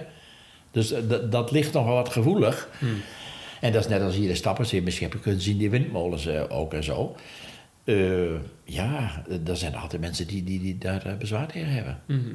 Alleen, kijk, verander je daarmee... ja, wat zei je? Wat zei je? Oh ja, die padstelling. Ik denk dat... Je ziet nog steeds dat boeren groeien, volgens mij. Mhm. En eh, op dit moment, ik heb, eh, zelf beweer ik wel eens op dit moment, als je gewoon niet al te zwaar gefinancierd zit en je hebt ongeveer 70, 80 melkkoeien, Ja. dan kun je prima redden. Alleen er zijn ook boeren die zeggen, ja nee, maar eh, als dit bedrijf voortgezet wordt, dan moet het op zijn minst naar 100 of 120 of eh, 150 of 300 koeien toe. Ja. Ja, die- discussie is er nog steeds. Hm. Die opvatting is er ook nog steeds, Ja. geloof ik, een beetje. Dus daarmee doorbreek je die padstelling niet. Nee. Nee. Ja, en hoe kun je het anders doen? Doordat ze op een positieve manier, laten we het even bij de boeren houden, op een positieve manier eh, zichzelf promo eh, promoten. Ja. Ja. Alleen, ik merkte dat gisteravond zag ik die beelden op televisie even. Toen denk ik, nou, dan moet je ook... Die vrouw die deed het hartstikke leuk. Mhm. Maar dan moet je wel van goede huizen komen. Dat als een wildvreemd iemand, hè? Ja. Voor mij, part- maar jij. En jij komt zo'n geitenstal binnen. Nou, dat geitenstal gaat nog wel. Maar zo'n varkenstal, Mhm. dan weet ik niet wat... Ik- Ik ben benieuwd wat de eerste indruk van die mensen zou zijn. Oh, wat, wat, wat is dit hier? Wat een Ja. ellende. Ja. Die beestjes die zo opgesloten zitten in hokken. Ja. Ja, dat weet- die hebben het goed. Die worden toch echt absoluut goed verzorgd. Ja. Maar ik weet niet, ja, dat- dat- ik bedoel, hè, dat- dat beeld wat jij Mhm. schetst, ik weet niet wat mensen dat hebben. Ja. Want, ja, goed. Eén boer die vertelde dat ze per week duizend biggen afleveren. Ja. Dat is gewoon lopende bandwerk. Voor de slacht. Nee, die gaan naar een ander- andere, eh, andere boer. Ja, Dan worden ze voor de start door, doorgemest. ja, Maar als je dan in zo'n stal zou werken, ja, dan ben je gewoon lopend bandwerk. ja. Duizend biggen, eh staarten kopiëren of tanden uitbreken Ja. of uh, inenten of zo. Ja. Dan moet je duizend in de week. Dat betekent dat je gewoon de dagen, de hele dagen alleen maar die biggen door de handen Ja, gaat. ja, Kippen enten, precies en zo. ja. Maar goed, dan snap ik het. Ik bedoel, dat, dat, dat klinkt niet als diervriendelijk.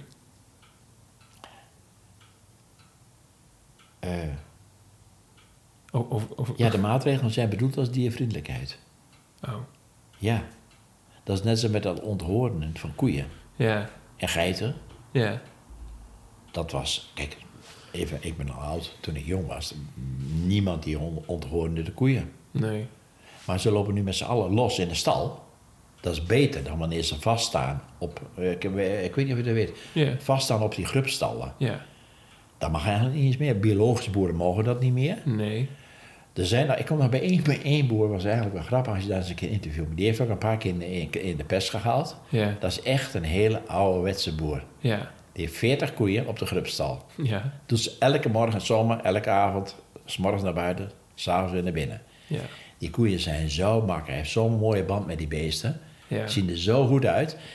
Als hij ze ophaalt, ze, normaal lo- lopen boeren achter de koeien, maar hij loopt ervoor. Lopen zo achter hem aan, Mhm. Gaan allemaal de stal in, gaan ze op een eigen plekje staan.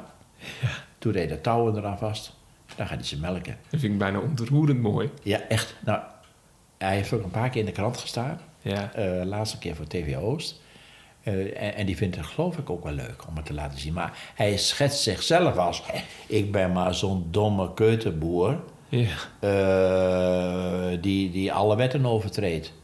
Ongeveer. Hij zegt, want ik heb ze nog aangebonden staan. Dat mag eigenlijk al niet meer.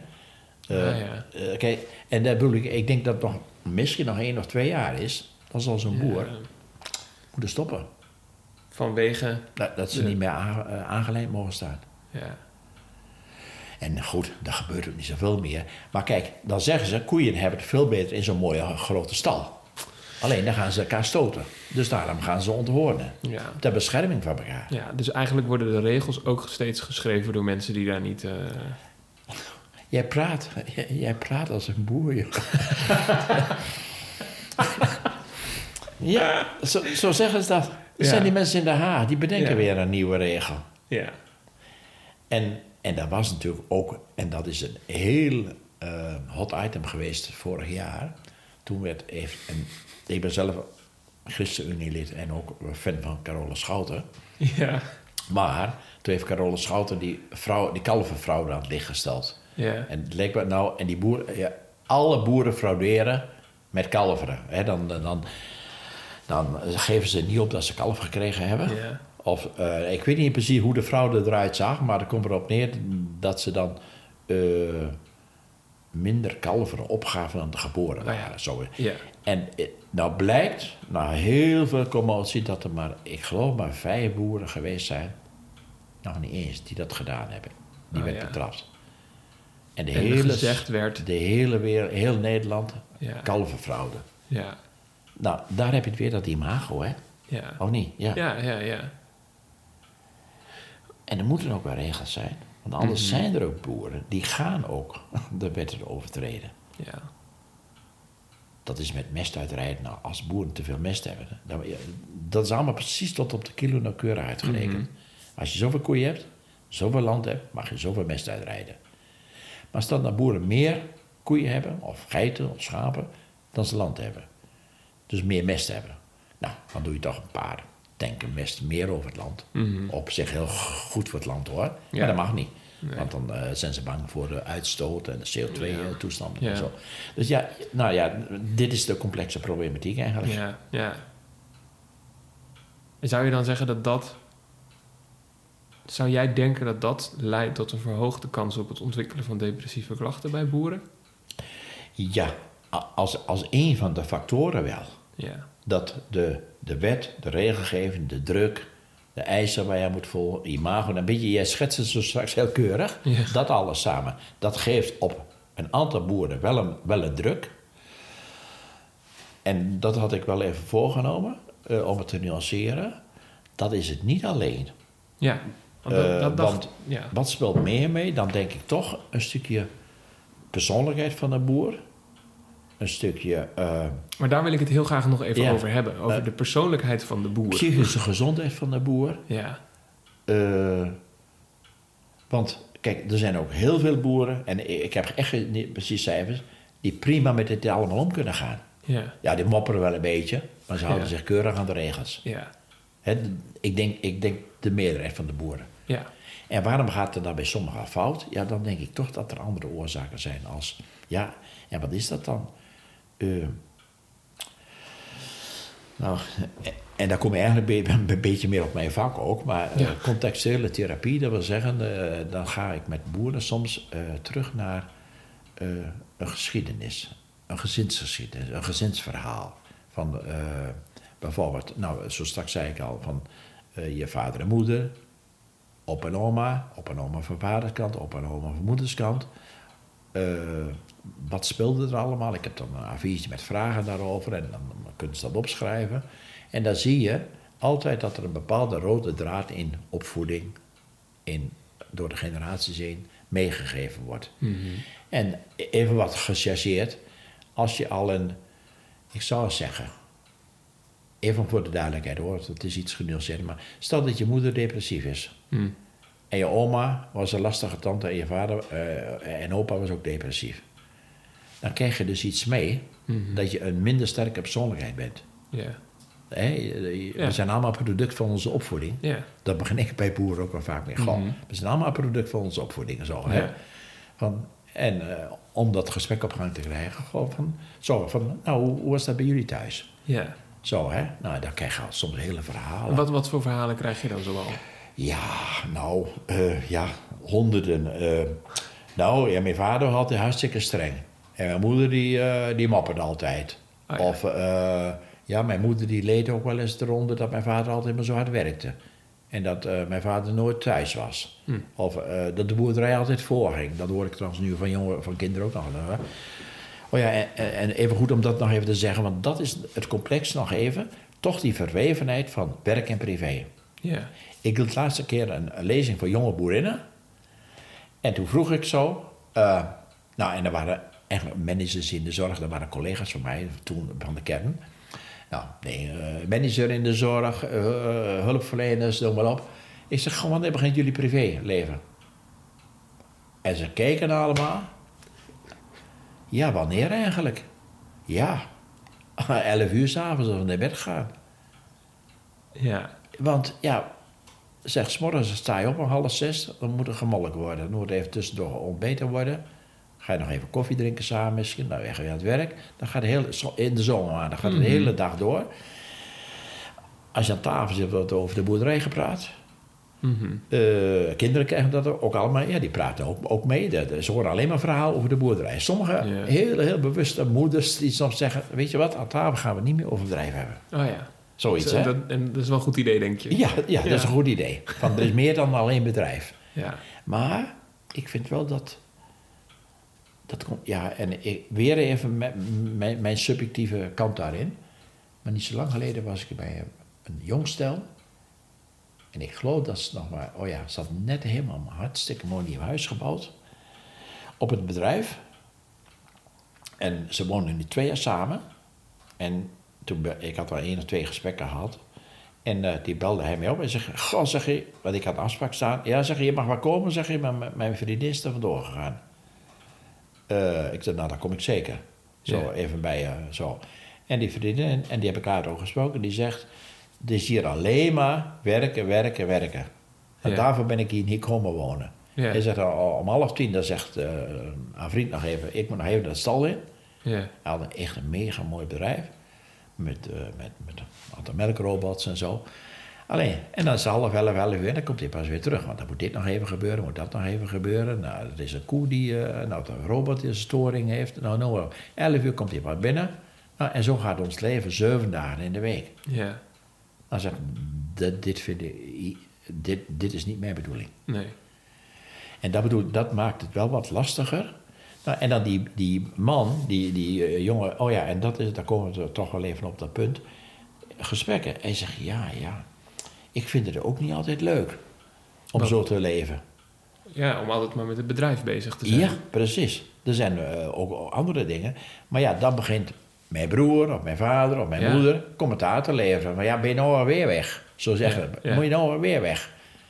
Ah, zo. Dus, oh ja, dus hij, heeft, hij voelt ook de plicht om bij dat bedrijf... eh, De druk, Ja, precies. van dus eh, zijn En is- vader en zijn broer. Exact. En, En dat is wel een van de standaardvragen die ik vaak wel stel. Van ervaar jij je bedrijf als een last, als een druk? Hmm. En dan heel vaak zeggen ja. Ja, dat ervaar ik wel zo. En dan heeft het weer te maken met de psychische achtergrond van iemand. Hoe sterk is iemand? Ja, ja. Dan kun je zeggen, nou dat is een druk. Ja, oké, dat hoort bij, bij elk beroep wel. Mhm. Maar de een ervaart het anders dan de ander. ja. En dan is het misschien moeilijk om te zeggen... ik vind de druk eigenlijk wel te hoog. Ja, en Want die anderen die kunnen wel met die druk omgaan. bijvoorbeeld, precies. Of toch ook het commentaar wat je altijd krijgt. Hè? Hmm. Stel dat je bijvoorbeeld zegt, ik ga op. Oh ja, ik vertelde dat, dat laatste keer aan iemand. Dat een goede vriend van mij, daar sta ik wel vaak met mijn zons voetballen. Eh, en dan staan we zaterdags gewoon aan de lijn te kijken. En een vriend van mij die heeft een boerderij, ook. Nou, zegt hij, als ik dat niet meer kan, dan ben ik geen goede boer. Hmm. En toen zei ik dat tegen een andere boer. Nou, toen zegt hij, dat is geen goede boer. Nee. Als je op zaterdagmiddag vrij is, dat is geen goede boer. Als je op zaterdagmiddag vrij bent, ben je geen goede boer. Nee, nee. Nou, en dat, dat leeft nog een beetje op. Kijk, bij akkerbouw is het, is het wat anders. Die hebben pieken en dalen, eh, hè, zo, als het hoogst wordt. Maar bij, bij die... Ja, dus, eh, dat hoor ik een andere boer zeggen. Maar weet je wat, hoe dat op mij overkomt? Het lijkt Ja. me zo vermoeiend om boer te zijn... als er de hele tijd zo naar je gekeken wordt. Ook onderling dus. Ik denk, als ik... Voor, Ja, zeg maar, Ja. voor, voor wie wil je een goede boer zijn? Voor jezelf of voor, voor, voor een ander? ja, goeie, ja. Als het, nou Ja, ja, uiteindelijk, ja. Ja, maar daar kom je op heel veel heel ingewikkelde achterliggende processen. Hè? Ja. Als je het daarover Ja. zou hebben. Die vraag, als je die vraag naar landelijk aan alle boeren ja, zou ik stellen. zou het dolgraag doen. Ja. Ik ben ook heel benieuwd naar de uitkomst. dan. Nou, je, je moet een andere podcast maken van jou. Nou, eh Jorien Kuik, misschien goed om even te noemen. Die heeft, die heeft pas een... Is arts bij de jeugdzorg, Ja. bij de GGD. En die heeft pas over... Ook, die heb ik met, met haar samen, hebben een aantal boeren langs geweest. Eigenlijk over hetzelfde onderwerp. Ja. En die heeft een hele mooie. Ja, hoe noem je dat? Ja, eigenlijk moest zij in het kader van haar studie als arts nog, of promotiestudie, Mhm. heeft onderzoek gedaan. Precies dezelfde dingen die jij vraagt, Ja. die zijn er ook aan de orde geweest. ja. Ik weet niet of ik nog iets van, heb. Maar goed, eh, ja, eh, kijk, wat jij zegt, oh ja, ja, dat is een goede vraag. Als je zo'n onderzoek zou ik ben heel benieuwd. Alleen, kijk, je krijgt eerst de sociaal-wenselijke antwoorden.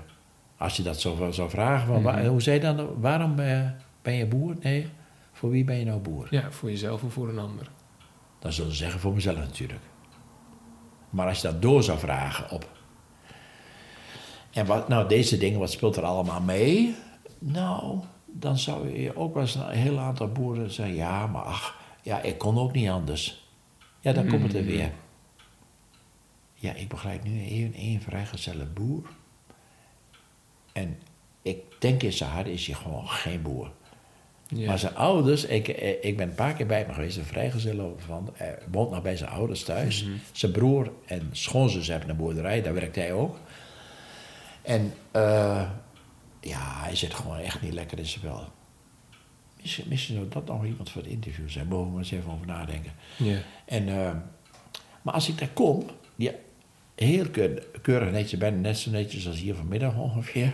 Dan, als ik daar binnenkom, dan staan er twee kopjes op tafel. Ja, De koffie staat ja, klaar. ja. De ouders die hebben zich netjes teruggetrokken. Want ik had in het begin een keer een opmerking gemaakt. Eerst moeder bij aan tafel, vader bij aan tafel. ja. Nou, dat, ja, en dat vind ik best wel confron- confronteerd lastig. Maar dan heb ik het er wel even over. Ik zeg, ja, ik ben hier voor jullie zoon. ja. Als jullie erbij willen zitten, vind ik prima, maar dan moeten we dat wel even samen over hebben. Wat, Mhm. wat is dan het doel van het gesprek? ja. Zo, toen voelden ze al, ja, mogen we er niet bij zitten? Ik zei, nee, ik wil best met jullie ook, ook, ook praten. Maar toen hadden we het zo even een keer gezamenlijk gesprek weer. En op een subtiele manier Want oh ja, mijn doel is dat ik met hem door wil praten van... wil jij echt boer blijven? Hij is 45. Mhm. Of ga je eruit stappen? Ja. Maar als ik die vraag stel, en die, ook bij die ouders... Ja, maar... Oh, klopt gauw weer. Sorry. We kunnen even stilzetten, joh. Nou ja. Nee, we zijn... eh, Maar eh, dan merk ik op een hele subtiele manier dat ze zeggen: Ah, maar als we straks trouwens een robot hebben, dan vind je het misschien wel weer leuk.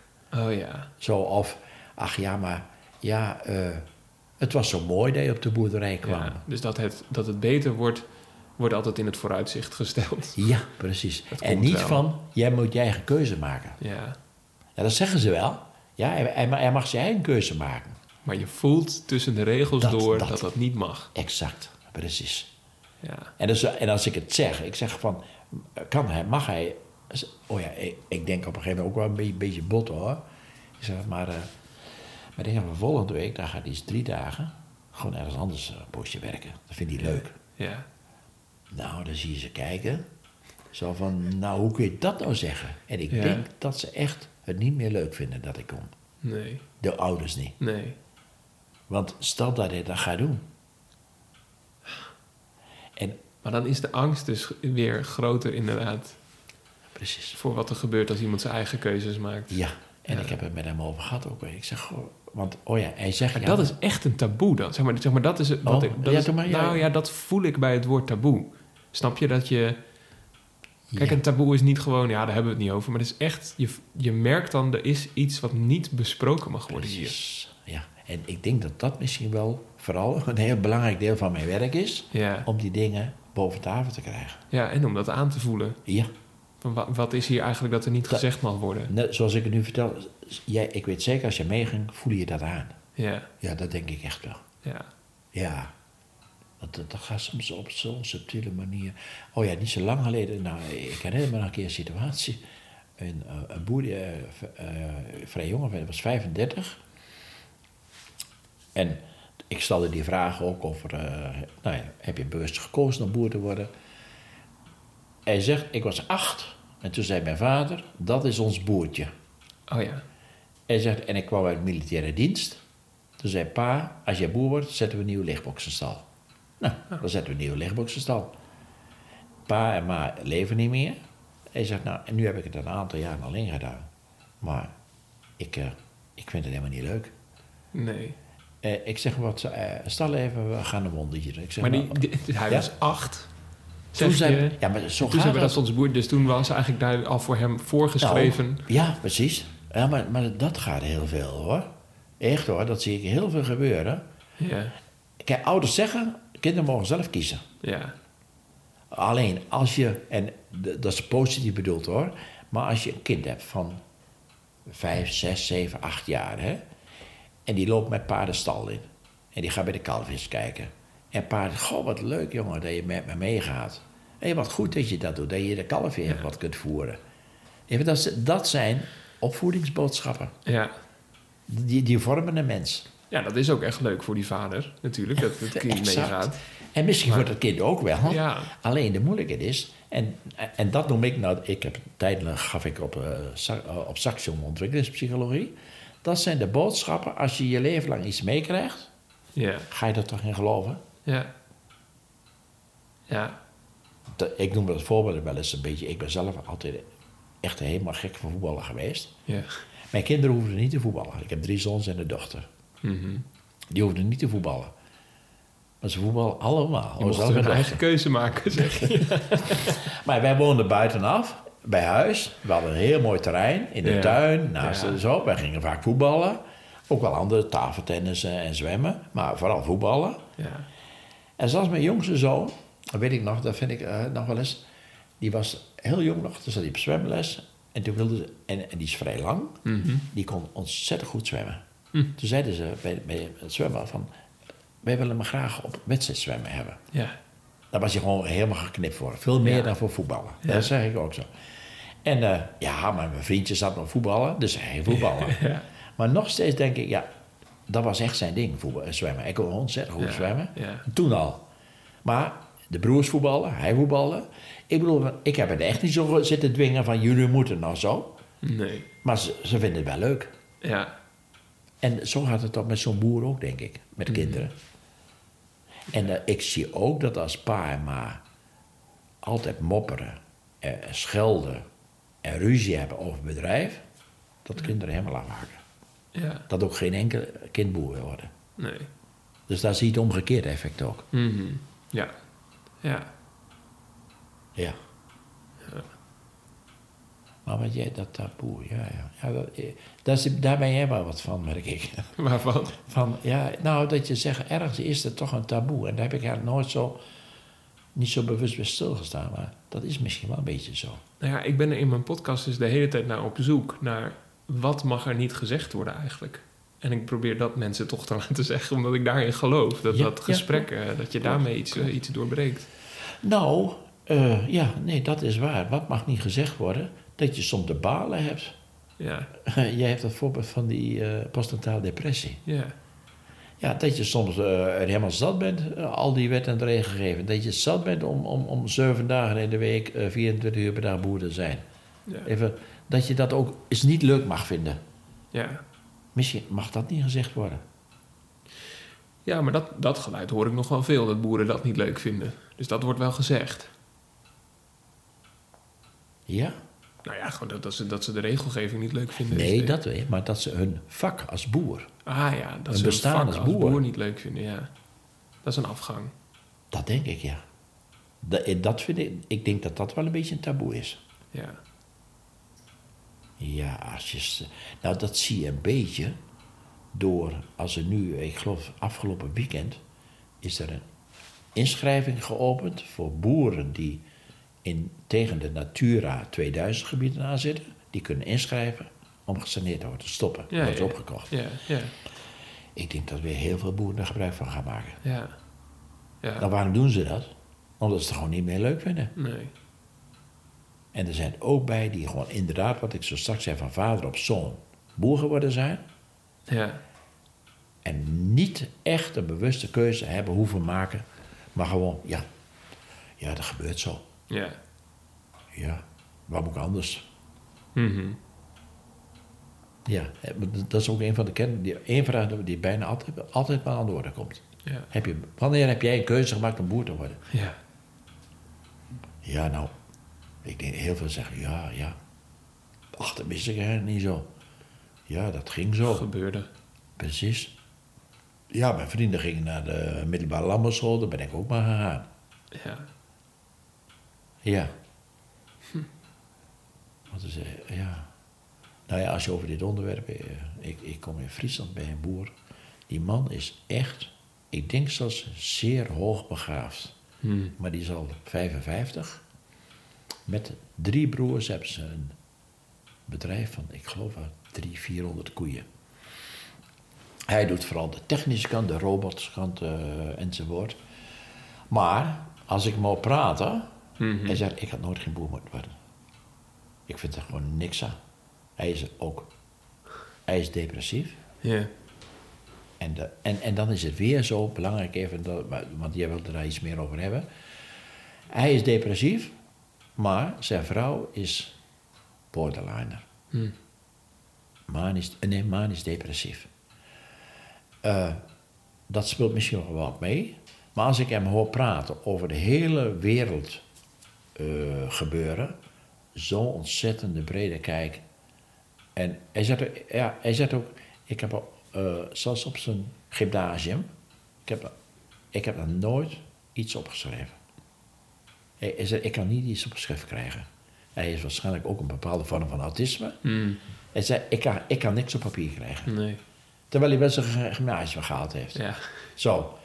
Hij zegt, nou, eh, ik kreeg dan mondelinge toetsen. En eh, dat was een uitzondering. Maar nu ook, hij is voorzitter van de kerkenraad. Hij is voorzitter van eh, gro- grote zuiver, zuiverbedrijven. Op zijn op zijn slofjes doet Ja, het een allemaal. fantastische werker. Ja, echt. En heel slim. Ja. Alleen, ja, zegt hij, ah, dat ging zo. Oh ja. Ik heb nooit een keuze. Zijn Nooit zoon, een keuze zijn zoon is bij- bijna nu klaar voor, voor, voor arts. Nou, ook, ook een hele slimme vent. En ik merk aan hem ook, hij heeft zo'n genuanceerde kijk op het leven. De filosofie, al die dingen Mm. meer. Maar ja, is het een boer? Ja. Ja, ik kan niet anders, zegt hij. Ik kan er nu, ik- hij wilde eigenlijk nu nog wel een universitaire studie gaan doen. Oh ja. Maar hij heeft het gevoel eigenlijk, ik kan niks anders. Dus ik, moet- ik ben... Ja, ik zit zo in, in het bedrijf verweven. Ja. Stap ik er nu nog Dan is uit? het ook moeilijk om te stoppen. Ja, dan moet het bedrijf opgesplitst worden. Ja, ja. Financieel een heel erg ingewikkelde toestand. Ja, ja. Ja. En die, zit, die is er dus ook een beetje zo ingegroeid. Inge, ja. Maar dat zou eigenlijk ook een mooi gesprek zijn voor boeren onderling, toch? Dat ze zeggen van, waar- waarom ben jij boer geworden? ja, precies. Alleen of ze dan werkelijk echt openheid aan elkaar geven, dat Ja. vraag ik me af. Dat weet ik niet zeker. goed, eigenlijk vind ik dat, want ik vind dat we een fantastisch mooi gesprek hebben gehad al. Ja, En toch blijft dat voor mij nog een beetje open liggen. Dat, mm, maar ik weet ook niet goed hoe ik daarover moet praten of hoe ik daar naar moet vragen. Ehm, dus je, hebt best wel, je hebt best wel regelmatig nu volgens mij in het gesprek gezegd: ja, daar hebben ze het niet over. Of, dat, of daar. Hè, en in mijn hoofd blijft dat cliché een beetje opkomen van emoties en gevoelens en zo. Daar, daar, daar, de kwetsbare boer, dit- dat, Ja. dat mag eigenlijk niet. Nee. eh, maar, is ik, maar ik weet niet zeker of dat nou een specifiek boer is. of Dat, menselijk. Ja, Ja? ja. Wat, precies wat jij zegt. De emoties. Ja. Eh, het, het, het verdriet of de pijn of noem maar al die dingen meer. Hè? Ja. Dat, eh, tenminste, ik heb ook jaren in de hulpverlening gezeten, niet bij boeren. Mhm. Nou ja, dan krijg je natuurlijk vaak al mensen binnen of patiënten die al heel erg ver afgezakt zijn. Ja. Dus die praten er wel over. ja. Maar zo gewoon in je omgeving en zo. Gewoon over je problemen praten. Ja, Op de precies. koffie. Ja, Nee, dat is niet alleen een probleem bij boeren, zeg je. dat denk ik, dat denk ik niet allemaal. Nee, niet alleen. Maar Nee. dan sprak ik laatst een, een boer aan de telefoon en die zei... Die, dit, dat, ja, dat moet ik eigenlijk hem vragen, niet ja, aan jou. Dat, mag wel. Ja. Maar die zei... ehm, ja, de boerin doet dat nog wel. De boerin die kan wel over gevoelens praten, maar de boer niet. Ik denk dat het toch ook is een oud cliché. ja. Kan je als man toch ook leren? Ja, precies. En ja, nee, dat is ook zo. Dat is het cliché toch, of niet? Ja, dat denk ik. Vrouwen kunnen dat makkelijker dan mannen. Ik ben er ik iets genuanceerder, want ik vind dat ook net zo goed soms mannen. Ik zie ook bij boeren, soms bij echtparen wel, dat de man nog meer en makkelijker Ja, over zijn emoties kan praten Ja. dan de vrouw. ja, Dus ik vind het wel een klein beetje cliché. Het is wel een algemene opvatting, geloof ik, in, in de cultuur. ja, ja. Ja, zeker. Zelfs, zelfs ik weet, in boeken. Ik weet nog dat Ja. ik ergens een oude boek had. Daar staat dit precies zo in. Vrouwen Oh ja. kunnen dit en mannen dat. Ja, ja. Ik, ik Dat is niet wat jij ziet. In ieder geval niet in helemaal. werk. Ik Nee. denk dat het, dat juist weer is van hoe je van huis uit dat wel of niet geleerd hebt. Ja. Dat geloof ik echt. Ja, ja, ja, ja. Maar het is ook ergens dat, ja... Ik weet niet hoe je zoiets aanpakt. Of waar je dan begint. Maar ik denk dat zou... Dus we hebben... ik pro- ik probeer het een beetje in kaart te brengen. We hebben, we, hebben, we hebben gezegd... Eigenlijk boeren zouden onderling meer aan elkaar de vraag moeten stellen... waarom ben je eigenlijk boer geworden? Ja. En daar open en eerlijk het gesprek over te voeren. Eigenlijk al bij het begin voordat ze boer waren. Ja, En even, het is nu wel een item op de Hoge School. Het Ja. vierde jaar ja. is het een thema. Oké. Daar wordt nagedacht over. eh, Dat noemen ze, ik weet, eh, want ik ken een- een man die daar les geeft. Ja. eh, Zo. En die zegt dat is een vast onderwerp in de Ja, gesprekken in de, bij de vierdejaarsstudenten. Maar zegt hij, dan zien we ook studenten afhaken. Ah, daardoor eigenlijk. Doordat ze dan dus Dus nadenken. vierde jaar misschien te laat. Goed, maar ze, je hebt Maar- wel een goede HBO-opleiding. Ja, ja, ja. En, eh, echt Ja. wel een goede, en dan kunnen ze accountant worden, ze kunnen voervoorlichter worden, ze kunnen eh, bedrijfsadviseur worden. Maar dat zegt hij ook van, er valt nog een behoorlijk percentage. In het Mm. vierde jaar kiezen ze pas. Hmm. Ik ga toch niet gewoon op de boerderij. Ja. ga iets anders doen. Ja. Dus Ja. die vraag moet eigenlijk al eerder gesteld worden. Ja, ja, zeker. Maar hoe gaat dat? Eh, Je weet het zelf nog. Ja, hoe bewust kies je voor een vak, hè? Ja, Ja, Ja. ja, kijk, als je op VWO zit of HAVO... Mhm. Ja, dan moet je kiezen. eh, Dan moet je kiezen bijna. ja, ja. Dat is, dat is hartstikke lastig. Ik denk dat heel veel jongeren er dan pas later nog wel achter komen. Ja, maar dit is nou net niet mijn richting. Nee. Nee. Ik denk dat we af moeten ronden, want we hebben ontzettend veel eh, besproken. Maar, ehm, Is er nog iets dat jij eh, denkt dat niet gezegd is? Nee, volgens mij niet. Mooi dat je, het is heel breed geweest. Ja. Ja. En ik ben benieuwd wat je er verder mee gaat doen. Ik ook. Ik weet het nog niet. Oké. En je Ja, van, harte wel welkom om eh, erover ja, door te praten ja. hoor. Ja. Of als je wat specifieke dingen hebt, kunnen we het ook over hebben. Ja.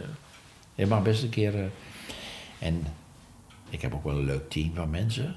Ja. Eh, ja, misschien moet ik eens daar op bezoek. maar dan hoor je gewoon heel andere verhalen waarschijnlijk. Ah ja. Dat is misschien niet eens zo'n gek idee. Nou, dat zijn er weer andere. Kijk, ik ben dan binnen ons team ben ik de psycholoog. Ja. Maar zoals Pauline Hoogkamp is echt een coach. ja. Kortdurend, Ja, snel ja, werken, afgebakend. ja. Er zit er één bij, een meisje, een jonge dame. Die is eh, paardencoach. Oh ja. Die wer- heeft ook eigen paarden. Ja. En dan soms boeren gaan met haar mee naar huis. En dan krijgen ze gewoon een paar sessies eh, Ja. paardencoaching. Ja. En nu één collega die doet, maar dat ken ik zelf, bodydrum met soms met Oké, boeren. oké. Zo, want dat werkt blijkbaar ook wel goed. Ja.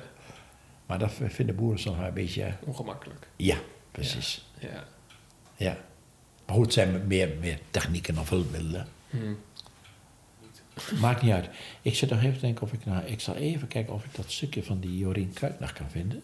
Want daar staat geloof ik een beetje in grote lijnen wel iets van dit verhaal ongeveer in, Oh, denk ja. ik. Ja. Ik zal eens even kijken of ik het zo, Ja. zo Ja. kan vinden. ja. Eh, bedankt voor het interview. Graag gedaan. Dat je in de podcast eh, te gast wilde zijn. Ja, nee, dat is helemaal goed, joh. Dat jij zo'n zo reis ervoor eh, wilde ondernemen. Ja, je moet er wat voor over hebben. Deze podcast wordt betaald door jullie, mijn luisteraars. Wil jij ook een bijdrage doen? Ga naar www.gofundme.com slash praten. En doneer een bedrag dat jij kan missen. Dus www.gofundme.com slash praten. Namens mij en alle luisteraars, dankjewel. Benieuwd naar de volgende aflevering? Abonneer je dan op Praten over Depressie. Vertel je vrienden over de podcast en laat een review achter in jouw podcast app. Zijn ook te vinden op Facebook en Instagram.